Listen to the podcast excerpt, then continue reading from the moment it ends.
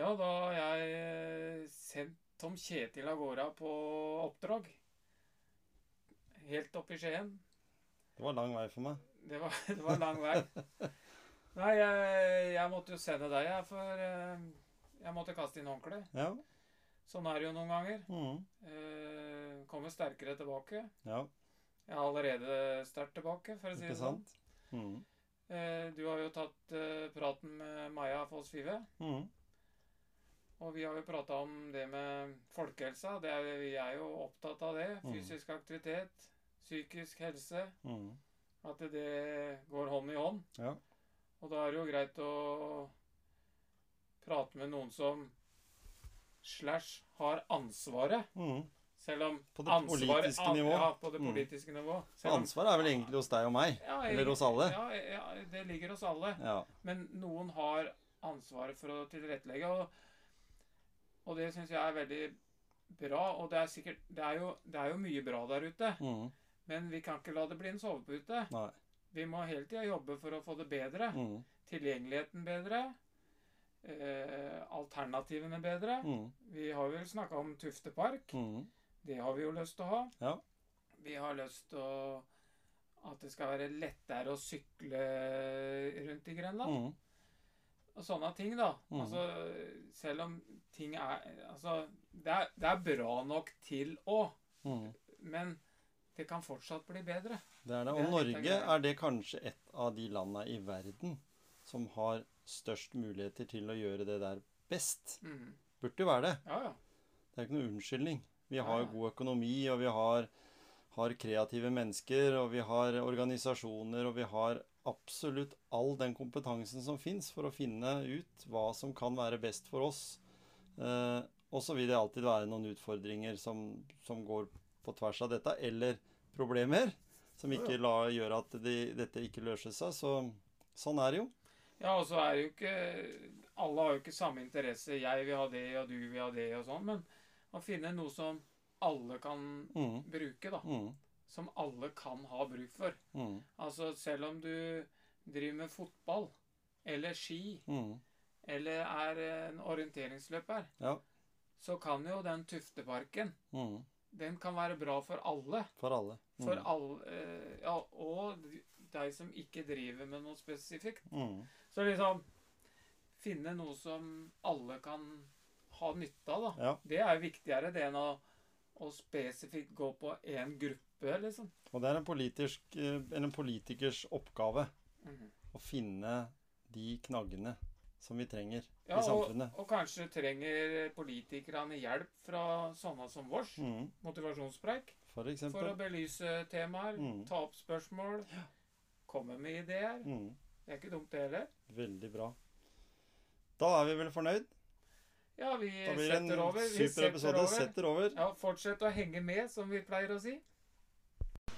Da har eh, jeg, Tor Kjetil, eh, kommet her eh, på Didier i Skien. Gisle han måtte bli hjemme i dag. Vet ikke om det var at han var overtrent eller hva det er. Jeg vet ikke. Men Maja Foss Five, takk for at du ville komme her og prate med motivasjonspreik om bl.a. folkehelsa vår. For det har du litt- ansvar for i fylket, har du ikke det? Det har jeg, så takk for invitasjonen. Jeg har, jeg har jo den lange tittelen å ha ansvar for kultur, folkehelse, tannhelse og idrett Nemlig. i fylket. Og det er viktige deler, spesielt i den tida vi har vært inne i nå. Vi har jo allerede rekt å prate litt om det før eh, mikrofonen kom på her, om eh, dette med korona og, og dette med folk sin nå vært nedstengning over lang tid. Mange har vært mindre aktive. Eh, vi har jo nevnt i en tidligere episode vi også at eh, 75 av alle nordmenn er eh, inaktive. Vi tror vi er spreke liksom med ski på beina og ute i marka hele tida, men faktisk så er det mange som, som trenger å enten få et spark bak eller, eller få et eller annet tilrettelagt som, som er lettere å få til. Hva, hva tenker du om det? Sånne, sånne prosentregninger som det? Nei, Du sa ta det til meg i stad, og jeg må si jeg ble litt overraska. Jeg trodde ikke det var så høyt. Og så vet jeg jo at korona har jo ikke hjulpet på. Eh, så da er det jo enda større grunn til å være bekymra, egentlig. Eh, og det er jo den, den fysiske aktiviteten er jo viktig for så mye. Eh, den er viktig for den fysiske helsa vår, men den er jammen viktig for den psykiske helsa vår. Nemlig. Og i en tid hvor vi kanskje kjenner på, eh, på at det begynner å, å, å tære skikkelig på Ja. den psykiske helsa, egentlig. Det det og, og barn og unge også melder om, eh, om eh, stor bekymring innenfor det feltet, så er det jo bekymringsverdig at de er så lite fysisk aktive. Mm. Og de som, de som klager og, og skriker høyest, det er jo toppidretten, da. De klager over at ikke får holde Holmenkollrenn eller hoppe i Vikersund eller, eller eh, Tippeligaen eller Eliteserien får ikke spille, og det er liksom mange sånne ting. Men, men det er jo grasrota i Norge som egentlig holder, må holdes i gang. Du kan bli motivert av å se stafett på TV, men, men du blir enda mer motivert av å komme deg ut sjøl og se hva du er i stand til å gjøre av egen fysisk aktivitet. da. Vi vet jo at topp og bredde henger tett sammen. Eh, og som du sier, vi trenger, eh, vi trenger forbildene og idolene våre, og vi trenger å bli inspirert. Eh, så sånn sett så, forstår jeg jo toppidrettens eh, ønske og behov, og det, det er jo til glede og nytte for bredden. Men, men som du sier, det er eh, den betydningen den fysiske aktiviteten har for oss, viser jo hvor kjempeviktig det er. At eh, det er på grasrota og, og bredden at det holdes i gang. Det det det. Og vi har, har jo sendt inn leserinnlegg om dette avisen nå, altså uttrykt stor bekymring for. Eh, kanskje særlig de unge voksne, eh, de fra 19 år eh, og oppover, som ikke har fått lov til å være aktive i lag. Da. De kan jo ta seg en joggetur, men det er jo ikke det samme i det hele tatt nesten på et år. Det, eh, det bekymrer meg. Og når vi snakker om eh, den eh, helsa, da, så, så tenker vi eh, Du nevnte jo på det at eh, fysisk aktivitet det bedrer garantert den psykiske helsa vår. Og når vi ser hvordan psykisk helse har hatt innvirkning på veldig mange i, i denne tida vi har vært inne i eh, Vi hadde en episode her for eh, noen uker siden som vi hadde Knut Inge Solbu og prata med han om rådebank. Og der kom jo det fram i den serien fra Bø at, at dette med menn og psykisk helse har, har mye for seg. da.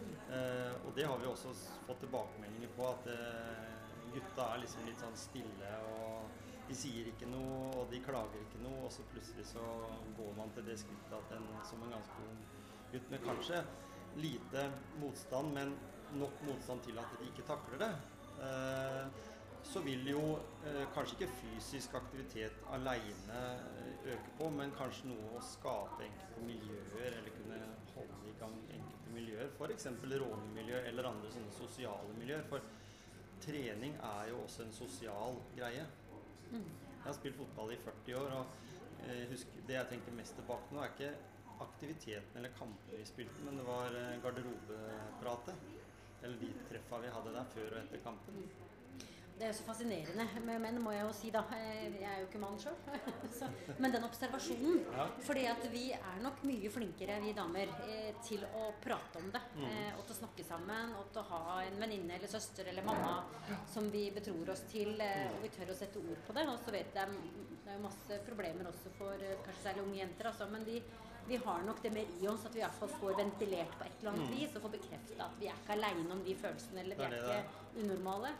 Eh, mens gutta eh, kan jo ha verdens beste kompiser, men det er jo sjelden at man prater om det. Eller på en måte da har man kompis man sitter og ser en fotballkamp sammen, eller man sykler en tur sammen, eller man eh, tar en øl. Eller, altså, man er jo sammen på et eh, det som kanskje vi jenter vil kalle litt mer overfladisk vis, men, men som er guttas måte å være sammen på. Ja. Eh, og da igjen er jo noe med at når du tar vekk de arenaene, når de blir borte, når møteplassen blir borte, eh, når vi blir, får beskjed om å holde oss hjemme og vi skal sitte der for oss sjøl i sofaen, eh, så, eh, så tenker jeg at vi tar fra vi tar fra både gutter og jenter, altså, men kanskje særlig gutta nettopp den, den arenaen til å være litt kompis. da, Til å dukke litt borti, ha litt kontakt eh, på, sin, på sin måte. Ja.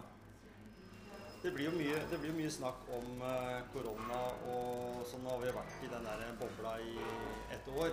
Eh, jeg tenkte litt, på en litt annen måte. Hvis vi sier at du sitter jo da for Vestfold og Telemark, altså to forholdsvis store fylker eh, med ganske stor avstand fra, fra Haukeli til eh, Horten, liksom. Var- er et ganske stort område. Og vi er litt forskjellige. Selv, selv om vi er, lever nært på hverandre de fylkene, så er vi litt forskjellige. Personlig så har jeg trena mye på sykkel. Vi har sykla mye Vestfold, Telemark. Eh, og, og, ser at det er stort potensial i å få smelta sammen mer fysisk aktivitet. Hvis du går en tur i dag, så går du Gjellevannet rundt i Skien f.eks. Der er det kø. Og folk har funnet en trasé som det går an å gå, og som de fleste greier. Det er ikke mye motbakker og sånne ting. Så Gisle, vi har, vi har egentlig prata litt om eh, enkelte ting som Nå vet vi at det skjer i Bamble, men sånne, sånne tufteparker eh, Det er treningsapparater i marka eller ute i skog og mark eller ute på, på, på områder som mennesker ferdes, som kan brukes da av alle. Eh, hvordan tenker du om sånne løsninger? Det, er, det, er, det er, blir jo for å ta fra treningssentrene litt eh, også, men nå har vi jo vært inne i en tid som folk har blitt vant til å bruke det uterommet litt mer. Eh, tror du at eh, det er noe sånt som Vestfold og Telemark kan eh, vurdere og, og, satse mer på? Fordi arealene ligger jo der. Ja, jeg syns det er et veldig interessant innspill. Eh, vi ser jo, som du sier, Gjellevannet rundt. Jo, jo, mer tilgjengelig, sant? jo lettere tilgang, jo mm. mindre terskler du må over Eh, den er liksom rett utafor stuedøra di. Den mm. Det er lengde. Du rekker det på en ettermiddag. Ja. Altså, alt ligger til rette for at den appellerer til mm. den der hverdagsaktiviteten for de som ikke skal ut og trene, men som skal bevege seg og være ja, fysisk være aktiv. I, ja. Eh, så jeg tenker jo at alle sånne planer er veldig gode. Mm. Eh, vi har flere eksempler på det. Det ble laga en sykkelvei eh, mellom Åmli og Treungen. Mm. Eh, på noen sånn gamle, langs en gammel togskinnespor eller noe sånt. Mm. Og det har bare eksplodert. Altså, de hadde ikke sin villeste anelse idé om at den skulle bli så mye brukt. Nei. Så de må jo allerede revurdere liksom, av løypa for trafikksikkerhet og sånn. Fordi ja, at den blir så mye brukt. Holmestrand har gjort det samme langt, mm. langs en trasé mellom Holmestrand og Sande. Mm. Altså, det, um, folk liker det lavterskel uh, at det er lett tilgjengelig uh, og ikke krever mye av de. Og da tror jeg jo sånne parker som du nevner er kjempespennende. Jeg vet ikke hvor langt vi har kommet som nordmenn i å føle det naturlig å bruke det. Mm. Um, men jeg var i, i Madrid eh, en gang og gikk gjennom en sånn park, og det var så mye trening og mm. aktivitet i den parken. Eh, av ulike apparater, eller løping eller sykling ja. eller turning eller noen som drev med tai, tai, chi, kanskje. Eller, ja, altså, sånne, men ja. hele parken levde i, eh, i trening. Mm. Eh, sånn at, det, at, dette er et fenomen som også vil komme hit, mm. eh, og som vi burde legge til rette for, det, det, tror jeg på. Vi er jo flinke til å lage grøntanlegg. Det er vi veldig flinke til i Norge. Eh, lage fine grøntanlegg, årer der vi kan sitte og være sosiale. Møtes utenfor kafeene, uten å ta med oss en kaffe to go og, og sånne ting. Og, og, kombinere det da med trening eh, gjør jo at en kan på en måte få en del sånne enheter rundt forbi. Fritidsparken har jeg jo sagt tidligere kanskje en av de flotteste områdene vi har. Eh, som du kan også videreutvikle mye mer enn det en allerede har gjort. Jeg tenker på sykling og, og løping og gåturer, og det er liksom lagt til rette for alt. da, Både sommer- og vinterstid. Eh, så, så vi, vi, er litt sånn eh, Tenkte vi kunne kaste den ballen da til deg og dine kolleger. da, og se kanskje på den løsningen der med tufteparker. Se på om dette her er framtidas måte å trene på. Det holder avstand. Eh, folk holder seg i form. Bare Gjellevannet rundt, hvis en gikk det én gang hver dag, så ville en være vekk av den lista av de 75 mm. For den er jo 7 km ca. I hvert fall hvis du ikke bor langt unna, da, så er den ca. der. Og den kan løpes og den kan gås. Det, det er mer enn nok mosjon i en sånn runde. Eh, og alle kan egentlig, som du sa, lavterskeltilbud eh, som vi definitivt også kan få rundt Porsgrunn og Skien, og sikkert også sånn som eh, du nevnte, da, andre steder også i fylket vårt. da. For det er jo ikke noe problem. Det er bare noe jeg tror vi tenker at det er så mye bakker her. Men det er jo ikke veldig mye bakker. Ja, Du har kanskje en liten bakke hjem, da. Men det spørs jo bare hvilken vei du velger. Men allikevel, da er det i hvert fall på veien hjem. Ja. Du bør ikke ha bakken på veien til jobb. Det er liksom sånn jeg tenker, da. At Hvis jeg skulle jobba på Vindfjellturene, så hadde jeg kanskje hatt litt mer orket å sykle på jobben opp dit. Men når du skal hjem igjen, så er det mye. Liksom. Men du, der møtte jeg jo meg sjøl i døra i en eh, fordom jeg hadde, og det var jo fordommen mot elsykler. Ja. Som jeg tenkte Som jeg bare lo av og tenkte Hva er det for mm. noe eh, vas? Em, men etter å ha fått testa svigermor sin, eh, så ble jeg jo kjempebegeistra og har gått til innkjøp av en sjøl. Mm. Og merker jo at eh, For det første så må jeg jo sykle mye mer enn det jeg trodde. Altså Mm. Jeg blir jo svett i luggen. Men det går så mye fortere. Ja. Så, så det å sykle til jobben blir jo plutselig ikke noe problem lenger. For det tar ikke noe lengre tid enn med bil omtrent. Fordi du slipper lyskrisa. Og så får du opp pulsen litt. Eh, men du klarer å tråkke opp bakkene uten at du, du må dusje når du Mm. kommer fram. Eh, så det også har jo, tenker jeg, sånne ting er jo med på ja, at man iallfall kommer seg ut. Ja. Altså Du får den friske lufta i huet, du får eh, brukt kroppen litt. Og så, og så er det klart det beste hadde jo vært om jeg gjorde det uten motor. altså. Men hadde Jo, ikke jeg hatt motor, er- hadde jeg ikke gjort det. Nei, ikke sant. Og da er det raskt å velge bil, fordi du bruker Normalt sett så bruker du en ti minutter, kvarter mer med vanlig sykkel på en kort tur. Og du har noe dette med at hvis du skal handle på veien, så, skal han drasse med seg bærepose på sykkelstyr og sånn. Det er litt tungvint når du tråkker.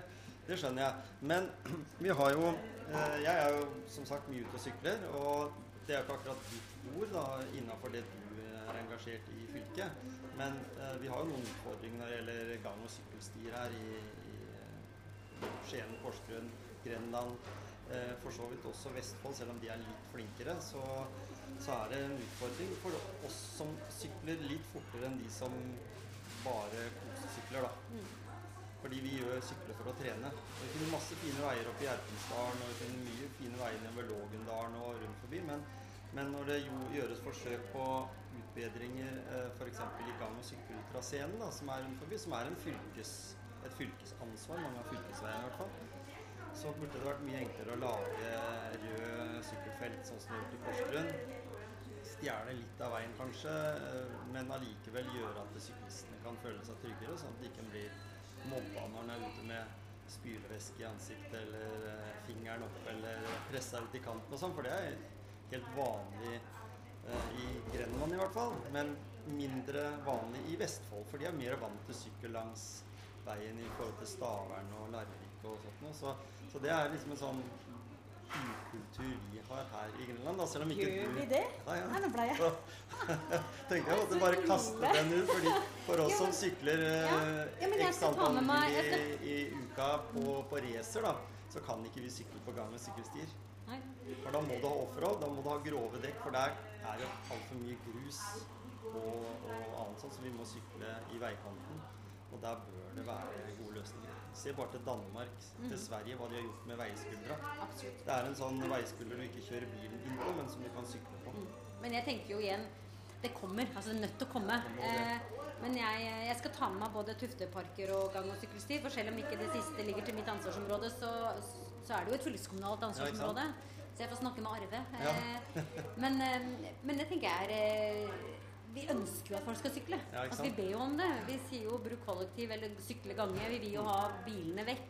Det er jo prosjektet vårt. Eh, av mange grunner. Ja? Eh, sånn at det Eh, Det må vi jo legge til rette for. eh, Og jeg vet at vi er i gang med å skulle asfaltere noe, rette opp noen gang- og sykkelstier og sånt, men det å ha det der rosa feltet ved er siden av som, det skal ikke så mye som til. eh, Bare for, da, da gjør det liksom noe med folk sin eh, mentale innstilling. At å ja, her er det jo laga for sykkel. Og det er ikke behov for å møte en annen syklist i det feltet heller, for hvis du gjør det en sjelden gang, så er det bare å gjøre som du gjør, at du viker litt for hverandre. Uh, mens det er, vet jeg, fordi en kompis av meg som jeg sykler mye med, han jobber i ingeniørvesenet i, kommunen. Og han snakker jo om det hele tida, sier til de kollegaene sine at vi må få sopa veien. Vi må få laga sånne felt som vi har nede ved vannet her og utover mot, eh, mot bryggene. Flere steder. Vi må ikke la det bli for vanskelig. Men nå, og nå skal ikke jeg nevne navn, da, men noen av de, de syk, har kanskje sykla liksom eller to ganger i sitt liv, og det har vært uh, for å ta seg en øl på Skagerrak Arena, liksom. Så, så de har liksom ikke De er ikke referansen for å kunne uttale seg om det. Da, men, men du må på en måte være med på noen sånne turer. Så elsykkel eller ikke elsykkel, Maja, jeg håper du har lyst til å Nå når vi kommer litt nærmere våren og syklene er klare for utebruk, for de som ikke har begynt å sykle allerede, skal du bli med på en tur. Så skal du få se hvordan, eh, hvordan du må være utenfor komfortsona for å sykle i Grenland, egentlig, som har et kjempestort potensial for å bli en sykkel, sykkel, en sykkelregion. da. Men det blir det ikke med telleapparater og og, og, og gang- og sykkelsti, men vi blir det med å ha skille syklister og fotgjengere. Ja, Og bil. og bil. Mm. Ja, og det skjønner jeg, for jeg er jo en av de Når jeg har begynt å sykle nå, jeg hiver meg jo ikke ut i bilfeltet og rundkjøringer, og jeg er jo livredd, eh, så jeg kjører jo heller ned en stakkars eh, fotgjenger. Nei, Ja, ja. jeg gjør ikke det. Men, men jeg, jeg ser absolutt poenget ditt. Og så tror jeg vi og vi, vi har jo begynt som sagt med å tenke litt av det mer spektakulære. Nå Ja. diskuterer man jo Larvik-Porsgrunn og den gamle togtraseen der. Ikke sant? At man ønsker å lage liksom, gang- sykkelsti der som blir spennende. Og vi, jeg vet at Drangedal Kragerø jobber med det samme prosjektet, og jeg refererte jo eh, Treungen Åmli. Men, men det du snakker om, er jo egentlig eh, enda mer sånn elementært. Det er jo hverdagssykling. Altså, Ja, det, det er jo for at man skal kunne gjøre det hver eneste dag. Og ikke, ikke nødvendigvis for alltid å skulle oppsøke det som, som er liksom mer sånn turistmål, kanskje. Um, nei, det syns jeg er viktig innspill. hvis vi sykler Okkolungen, vi, så er vi jo i nærheten av den gamle jernbanesporet. Og vi sier jo det at det, hvis vi i hvert fall sykler offroad, da, så syns vi at det har vært kult å sykle innpå der. Det er litt for grov, den grusen som er der, da. Men, men Du kunne sikkert ha gått der, men, men å få gjort noe med de traseene der Jeg vet det kan være en del sikkerhetsmessige utfordringer og sånn, men at det er vel anvendte penger på folkehelsa vår, det tror jeg så absolutt. Ja, det tror jeg òg. Det er jo spennende. Men, Ja. eh, men du har viktig innspill. Jeg skal ta det med meg. Jeg eh, husker eh, her tilbake til tidligere jeg snakka med deg, Maja, i forhold til Og vi nevnte litt om dette her med vår psykiske helse i stad.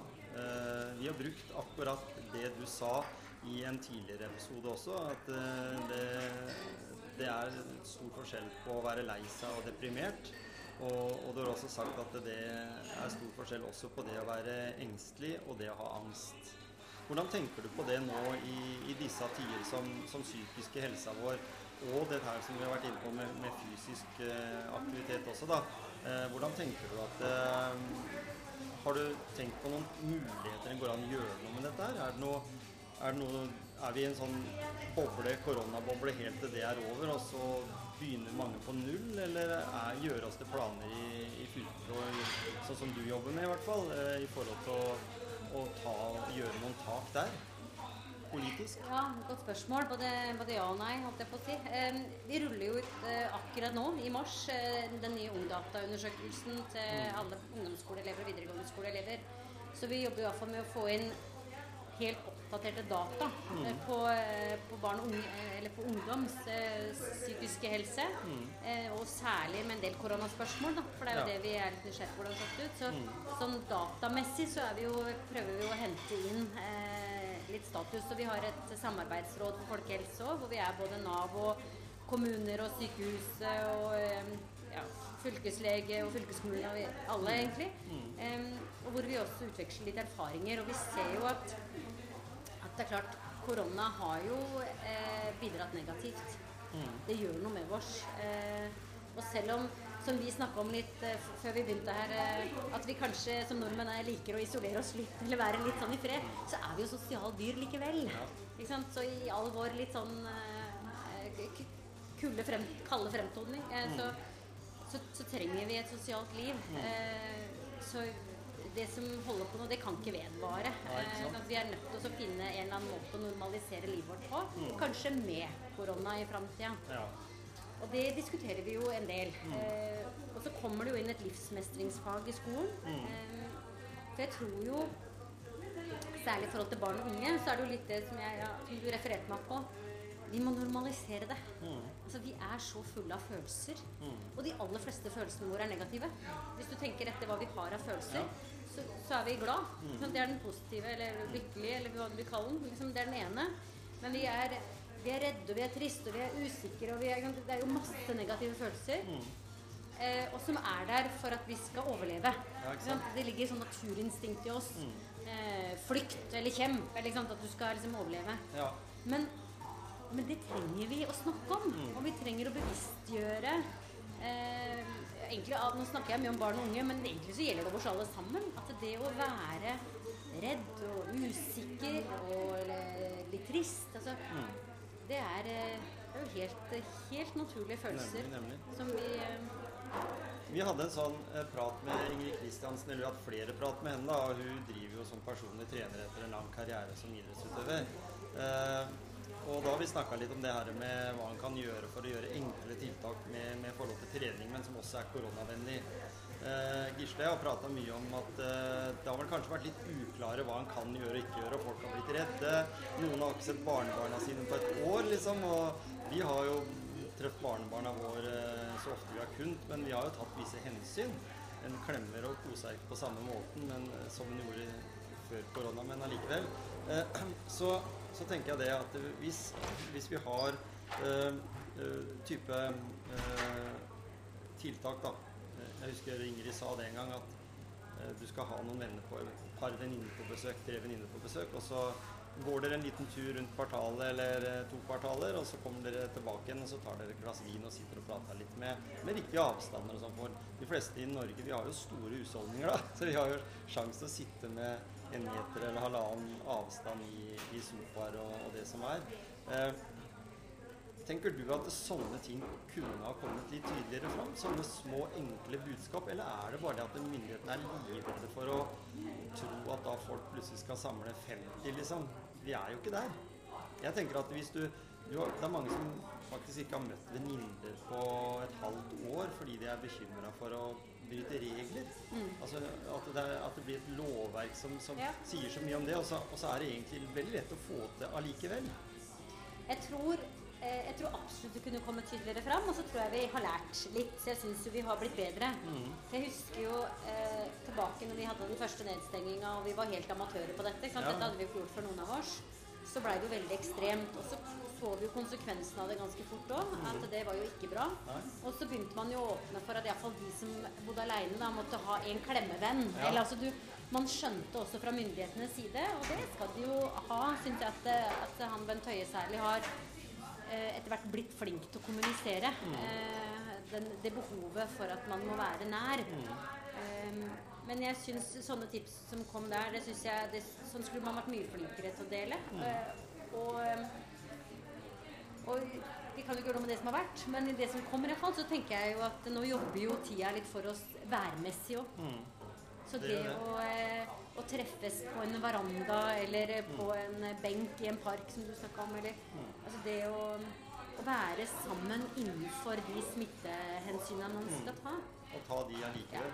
Så da er vi enige i det at det er mulig å være litt, litt kreativ uten å føle at du gjør noe straffbart. Ja, og jeg tror det er farlig å bli så redd for å gjøre noe straffbart at du isolerer deg helt. Ja. Det tror jeg er eh, mye verre da, enn å, enn å, kanskje leve litt på grensa. Ja. Skal ikke oppfordre til noe bryteri her, for vi skal ta smittevernet ja, på største alvor. Men, men, det er noe med prisen man betaler. Mm. Og det så vi jo igjen at barn hvor i denne nedstengingsperioden så eh, Jeg har små barn og lot de få lov til å møte venner ute. Mm. De fikk ikke lov til å gå inn til hverandre da, men de fikk lov til å leke ute. Mm. Som i seg selv var en bonus, for plutselig begynte jo barna å leke boksen, går og polke og tjuv og sånn, ja, ja. som de ikke visste eksisterte fordi de bare sitter foran en skjerm. Eh, mens andre foreldre holdt barna sine inne.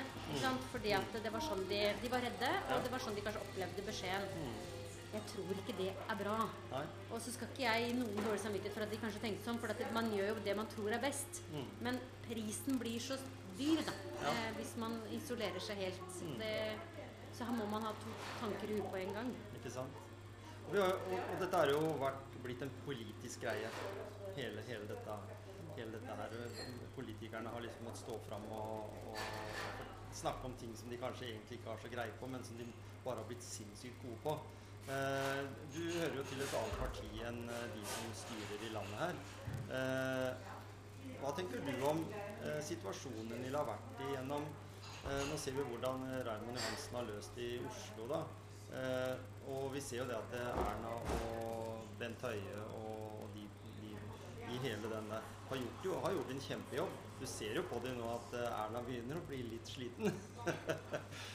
Tror, tror du nå Det er kanskje en liten sånn eh, som ikke er så lett å svare på, men hvordan tror du hvis eh, Arbeiderpartiet, da, som du hører til, hadde blitt kasta inn i denne verden som de har vært nå i over et år eh, ville de ha like mange personer som kunne gjort den samme jobben? Altså, er, er dere politikere flinke til å snakke opp? For det, den bruker fagkunnskapen. Altså, Den bruker Folkehelseinstituttet på Helsedirektoratet og den kompetansen som er der. Og så noen ganger så tror folk at det, nei, det er det Bent Høie som bestemmer. Men, men Tror du Arbeiderpartiet ville lytta mer til Folkehelseinstituttet, eller vil de drive omtrent på den samme veien? Det vet du ikke. Nei, men- det men vet, man vet gjetter ikke. vi litt? Nei, og jeg tror, ja. Gjette og synse. Nei, vet du hva. Jeg tror, jeg tror vi skal ha eh, enorm respekt for, eh, for det krevende situasjonen, som du helt riktig påpekte. Så jeg vet ikke om partiforskjeller ville utgjort noen forskjell, hvis Nei. du skjønner svaret. Jeg tror her lener man seg i stor grad på den faglige kompetansen. Og så kommer det, det lille politiske skjønnet på toppen. Mm. Som har jo gjort at, eh, at i noen tilfeller så har jo regjeringa vært strengere enn det kanskje Folkehelseinstituttet har sagt vi burde være. Em, men det vet jeg ikke om hadde vært noe forskjell om det var en annen regjering. For det er noe med det å faktisk sitte med ansvaret hvis, Ja, hvis det da går gærent. Eh, så jeg har ikke noe problem med å skjønne at, uh, at regjeringa har valgt å tippe på liksom, den litt strengere sida av det enn en fagpersonellet sier. Men det kan hende at vi hadde gjort andre prioriteringer likevel. Og vi har jo noe, sant? Det har jo vært noen diskusjoner. Det har vært heldigvis lite diskusjoner, syns jeg, mellom opposisjonen og posisjonen på Stortinget. Mm. Men, eh, og noen vil kanskje etterlyse at det burde vært mer, men jeg er litt glad for at man ikke har gjort politikk av en så alvorlig situasjon. Ikke sant, det er det. Men vi har allikevel diskutert eh, ja, det med, med breddeidretten. Altså, hva er viktigst? Er, det, er det idretts- eller eh, si, fritidsaktiviteter, eh, den, den fysiske aktiviteten som er viktig for helsa? Eller er det kanskje aller viktigst at vi redder en del næringer? Ja. Du prøve, hvis du skal ha åpne litt, hva er viktigst? Disse diskusjonene. Det er ikke sikkert vi hadde landa på helt de samme prioriteringene. Dette med grenser, stenge og åpne grenser, har vært et tema. Um, sånn at hadde det vært en annen regjering, så kan det nok hende det hadde vært nyanseforskjeller. Men jeg tror ikke vi skal dra det noe, noe lenger enn det. Ja, for du har jo den sosialdemokratiske tankemåten som Arbeiderpartiet har. Og den, den i utgangspunktet så har jo den litt annen fokus. Kanskje eh, Den satser jo på arbeidsplasser, den òg, men den satser kanskje mer på Eller altså eh, Høyrepolitikken går jo mer på arbeidsgiveren sin side. Det har jo alltid vært sånn, i hvert fall. Eh, enn den går på arbeidstakeren. Mens Arbeiderpartiet har vært en sånn typisk sånn arbeidstakerparti med knytta opp mot fagforening og, og sånne ting. Så, kanskje en ville fått en liten sånn uh, fokus uh, her. Ja, det tror jeg. kanskje næringsliv Eller pressa ikke, næ, ikke næringene rundt forbi, men kanskje pressa da litt penger ut av kassa som, som ville blitt disponert på en litt annen måte. Fordi vi hadde en prat med eh, Arne Hjeltnes uh, her tidligere, altså den forrige runda. Eh, Når, eh, på høst, eller på sånn august-september, når, når det også var eh, på vei til nedstengning. Og han nevnte en, en, en greie. Det gikk nemlig på at det var en bort oppe i Trøndelag som drev restaurant med sjømat. Uh, Stoppa helt opp. Han måtte jo permittere alle ansatte, men tenkte at fy søren, tenk om mye bedre har vært hvis de var på jobb, for da kan vi sitte og være kreative sammen. Tenke ut nye ideer. Så han lot være å permittere, og så satte de seg heller ned. Det kosta han dyrt, men han eh, prioriterte at de skulle være kreative sammen, i stedet for at han skulle sitte aleine og prøve å finne på hvordan virksomheten skulle gå videre. Og de gjorde det så enkelt som at de pakka ned sjømat i kasser. og hadde takeaway. Det var liksom før takeawayen egentlig kom for fullt. da. Og han solgte mer da på takeaway på sjømat. Eh, bare fordi de fikk sitte der og tatt den greia, og de var ute og leverte. Så det vi prata litt om da, det var hvorfor ikke gi lønnstilskudd til bedrifter? Istedenfor å sende de inn i ledighetskøen eh, og permitteringer og sånn.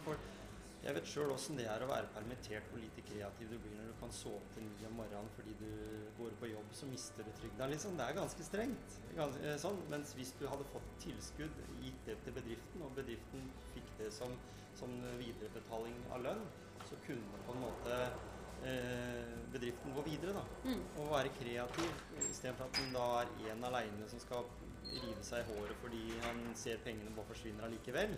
Eh, til at han kunne vært fem på jobb, og så kunne de kanskje ha klekka ut noen gode ideer uten at, det, at du hadde permittert arbeidsstokk.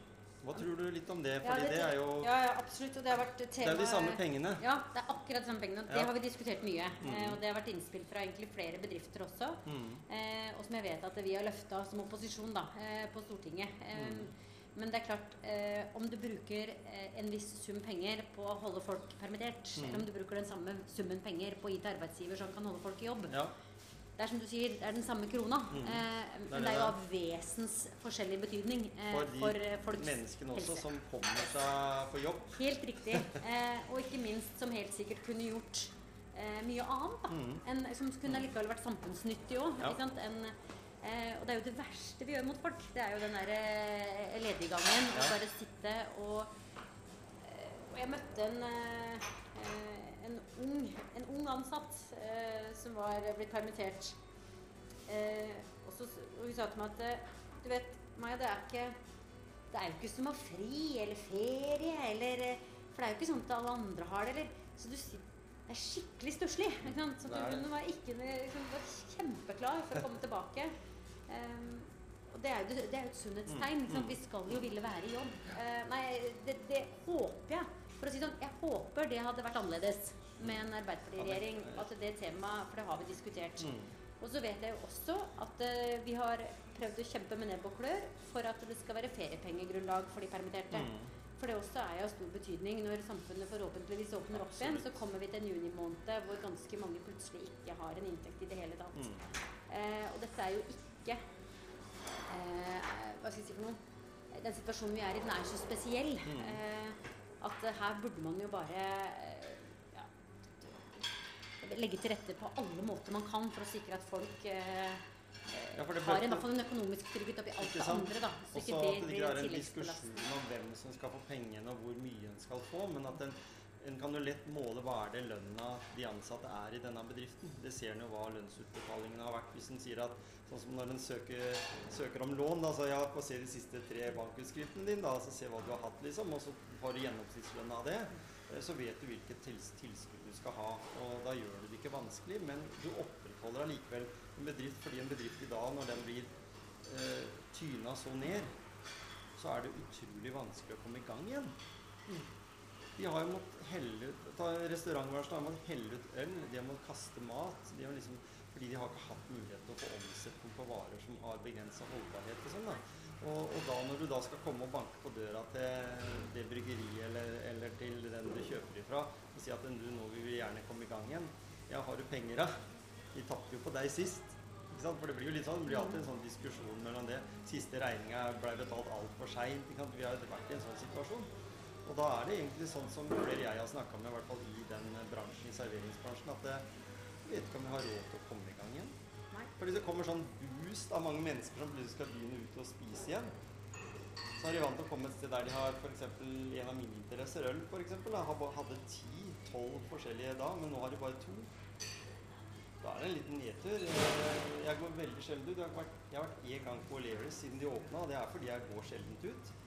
Eh, Og da hadde de bare to øl.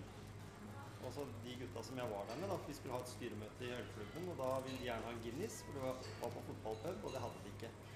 Fordi det, jeg vet jeg også at det koster å kjøpe inn. Du må liksom ligge på et eh, lavt nivå på alt, da. Så menyen er liksom korta ned, og alt er liksom korta ned fordi det koster. Og det vil jo bli når samfunnet åpner igjen sånn med en smell. For det er det mange tror. Går rundt og tror nå, at samfunnet skal bare åpne igjen med et smell. eh, Etter 17. mai. På 17. mai så sitter vi ute og drikker utepils og går med flagg og dress og sånn igjen. Eh, fordi da er det på en måte veldig mange vaksinert, og alt har liksom blitt eh, normalen igjen, da. Men, men det vil ikke være normalen for veldig mange som skal ta imot de hordene. Det er helt, vet du, det er helt riktig. Du peker på et kjempeproblem. Og det er det jo restaurantbransjen, barene, hotellene, reiselivsaktørene, Mm. men også kulturlivet. Altså, det er jo ikke sånn at i det øyeblikket samfunnet åpner, så står det 40 produksjoner der klare. Nei. det dette, det, det, brukes, det, det tar tid. Ja. Sånn, det tar tid å, å, å skape og lage og Det er det det produsere. Eh, og det opplever man vel kanskje ikke at man har blitt helt møtt på av eh, forståelse for regjeringa, eller at krisepakken er lagt opp til det. At du skal, sånn det er som du sier at i det øyeblikket liksom, bryteren er på, nå er det trygt, tjo hei, så tror jeg nok eh, Ja, hva kommer vi tilbake til? Sant? Og det snakker vi jo også mye om i politikken. Eh, at vi må ha en plan for gjenåpning. Ja. Vi må ha en plan nå for hva vi vil. altså Hvordan skal vi møte sommeren? Jeg skal på et eh, møte om det faktisk nå i midten av mars med festivalene. Mm. Altså hva eh, Notodden Blues har tatt initiativ og skal Ja. ha en dag om det. Altså gjenåpning. Hvordan møter vi Og det er Eh, og Det er et kjempeviktig tema, og var jo en av grunnene til at Raymond Johansen har vært så restriktiv med å åpne for restaurantbransjen. For han sier hvis jeg må stenge igjen om en uke Mm. Men De kan ikke kjøpe seg opp for at jeg om en uke igjen stenger. Ikke sant? Og så blir alt eh, så, så en langvarig stenging der for dem har jo egentlig vært av hensyn til at ikke man skal liksom Mm. opp og ned, opp og ned. Uforutsigbarheten, kaste mat, kaste Mm. øl. Men det er jo helt Det er jo bare vondt eh, å se på eh, hvordan noen bransjer i særdeleshet lider. Og det er jo særlig nettopp eh, bar, restaurant, kultur, reiseliv Mm. som, som sliter. For at de også ofte er små bedrifter. Ja. Få ansatte. Det er, det du har ikke den likviditeten. sånn det, er mye, ja. altså, det er veldig Vise til, sårbart. vise til røde tall, ikke sant? Ja. Det var veldig vanskelig få til å gå rundt, og så Yes. da får du det allikevel. Men eh, vi må jo håpe at det, det kanskje er mulig å få til festival igjen, da. På en sånn koronavennlig måte, for det vil det jo helt sikkert bli. Når vi ser liksom bilder fra Notodden Bluesfestival, eller du ser det fra alle mulige andre sånn i, i, i Larvik, Stavernfestival og sånne ting, så ser du liksom at det er eh, Folk sitter tett, og de koser seg, har det sosialt. Eh, og en kan jo tenke at det kommer vi tilbake igjen til normale tider igjen. Det er liksom det jeg tenker litt på, da. tør, tør publikum stille ja? Og det er jo spørsmålet vi stiller oss, for nå planlegger vi jo for en festivalsommer. Det har jo Mm. kulturministeren sagt, gjør det, og han har lagt penger på bordet for å dekke opp hvis det skjærer seg. Ja. Så nå kjører man jo litt på, men kommer folk? Mm. Sånn tør vi? Er vi klare til å, å være aktive kulturbrukere på den måten? Mm. Eh, det er jo kanskje det største usikkerhetsmomentet sånn som det er nå. Ja. Eh, det er jo Men eh, så vet jeg jo også at, eh, eh, at man skal klare Altså med litt støtteordninger fra, fra regjering, da, så vil man jo kunne kanskje klare å møte et litt mindre publikum i begynnelsen. Mm. Altså det er noe med å, eh, at folk kan få lov til å bruke litt tid på å vennes hjem og Mm. trygges. Mm. Vi skvetter jo. Vi ser bilder eh, på Facebook, sånne gamle bilder, ett år, to år gamle bilder, og folk står og klemmer, og vi får jo Ja. helt sånn hva gjør dere? Ja, det Altså. Det har jo liksom gjort Ja. noe med oss. Eh, det tror jeg vi bare må erkjenne at det vil sikkert ta litt tid før vi eh, Så, så festivaler der du kan sitte på gress og bli våt i rumpa, der du kan få sølende ølskvette på buksa, og, og der du kan eh, holde rundt i hvert fall, eller i hvert fall klemme litt grann på de aller nærmeste du drar på. da. Det, det, vi, vi må jo regne med at det kommer, Det kommer. tilbake. Det Vi hadde, fem års, vi hadde fem års krig på 40-tallet, Ja. og vi kom jo over det òg. Så du kan jo si at eh, vi har holdt et år, og så, og så vet jo de som få av de som lever i dag, som opplevde krigen, at de hadde jo liksom fem år som det var lockdown, da. Vi kan kalle det det. Ja, tenk det. Det størker jeg nesten ikke å tenke på. Så, men det har blitt litt annerledes. Hele hverdagen er jo annerledes i, i denne, dette tusenåret enn det det var, var den gangen. Det, heldigvis, kan en si. Så veldig hyggelig å få prate med deg. Eh, Jeg tenker at den kan være en stående invitasjon, det der med når elsykkelen din eh, er klar. Mhm. Jeg har syk sykkelen klar allerede, og vi kan få med vår Gisle og sikkert noen andre også som har lyst til å ut og se. At sånn er det. Vi tar med Arve Høiberg, som har Ja, ansvar for fylkesveiene. Det gjør vi. Ja. Så lager vi en eh, episode av det ute i, i feltet. Ute og ser vi på veiene og hvordan dette, de valgene som er. Så er det egentlig, for, for oss da, som, som sykler, så er det egentlig veldig, veldig små ting som må gjøres. Det er egentlig nesten ingenting. Som, som, ville ikke krevd veldig mye midler. Og vi har jo noen bypakkemidler som jeg vet at det, det kan bare bruke litt av det. Og de har jo satt seg veldig på sykkel. De har jo stands rundt omkring og, og engasjerer seg veldig i å få flere til å sykle. Og jeg kan, jeg kan si det at eh, jeg er ikke noen sånn eh, supersyklist. Jeg er sånn supermosjonist, kan jeg kalle meg da. Eh, og, og sykler jo runda hvis jeg skal ta en treningsøkt, så sykler jeg runda Skien-Porsgrunn og tilbake igjen til Hjemsø, liksom. Den runda der, så sykler jeg den på under halvtimen. Det er en sånn god treningsøkt. Da tråkker jeg skikkelig på. Men jeg er avhengig av å sykle sammen med bilene. For til det så er gang- og sykkelveiene en stor utfordring. Ja. Så der eh, er en jobb å gjøre. Får vi til det, så blir vi den beste regionen i landet til å påstå. Det er så lite som skal til. I Oslo har vi fått det til mange steder, men det er alltid sånn som i Storgata i Porsgrunn, at eh, vi tenker på sykkelen helt til det punktet der. Jeg har sykla der for to dager siden gjennom Porsgrunn, og da kom vi akkurat der som det ikke er det der feltet. Og skulle vi da sykle på eh, fortauet, og der gikk det en del folk med hunder og sånn. Og så møtte vi to busser som kom hver sin vei. Hvor skal vi sykle hen da? Det, du kan ikke tenke på alt. Men allikevel, det er sånne små, små justeringer. Vi må tenke all the way. Vi må ikke liksom stoppe og si at nei, syklisten han stopper jo her. Men hvor skal han da, etter at den røde stripa er borte? Skal jeg da sykle rett ut i hovedveien, eller skal jeg i fortauet? Liksom det, og der er jo sånne kanter. Så det er noen sånne småting som det liksom på tegnebrettet kunne vært gjort litt annerledes, tenker jeg da. Men det er sikkert sinnssykt mange, nå sa jeg det ordet sinnssykt, veldig mange, eh, som har kjempepeiling på hva som er gode og dårlige og, og funksjonelle løsninger. Helt sikkert. Og det er det, så målet skal være at det skal være null ekstra bak på de telleapparatene, tenker jeg, når eh, høsten kommer i forhold til året før. Fordi det er bare et poten, stort potensial i å få flere til å sykle. Når du sier elsykler, eh, gode løsninger. Det er jo mulig å låne elsykler på bibliotek i Skien. Det har vel det samme i Porsgrunn. Der har de vel bysykler også med batteri etter hvert.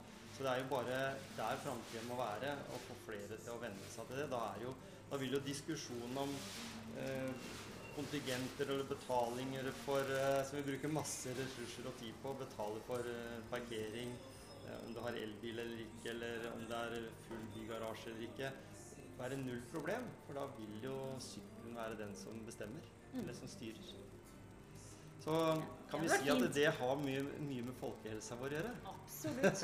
Det kan Så vi sånn, være enige om. ja, ikke sant? Så sånn avslutningsvis så har vi vel egentlig vært uh, enige om det meste. Vi har det. Ja. Og så skal vi også være enige om at uh, det går mot lysere tider. Det er At vi gjør. skal tilbake til normalen. At det blir bra. Om normalen, om ikke enda bedre normal. En ny, en ny, En ny bedre normal, normal. nemlig. Takk for praten, Maja. Takk for praten.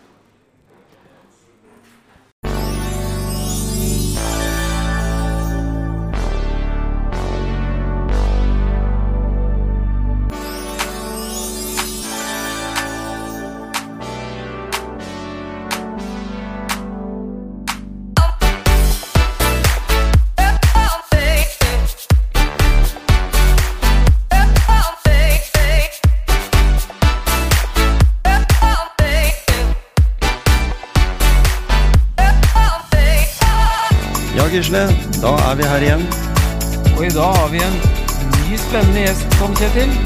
og det gleder vi oss til. Veldig. One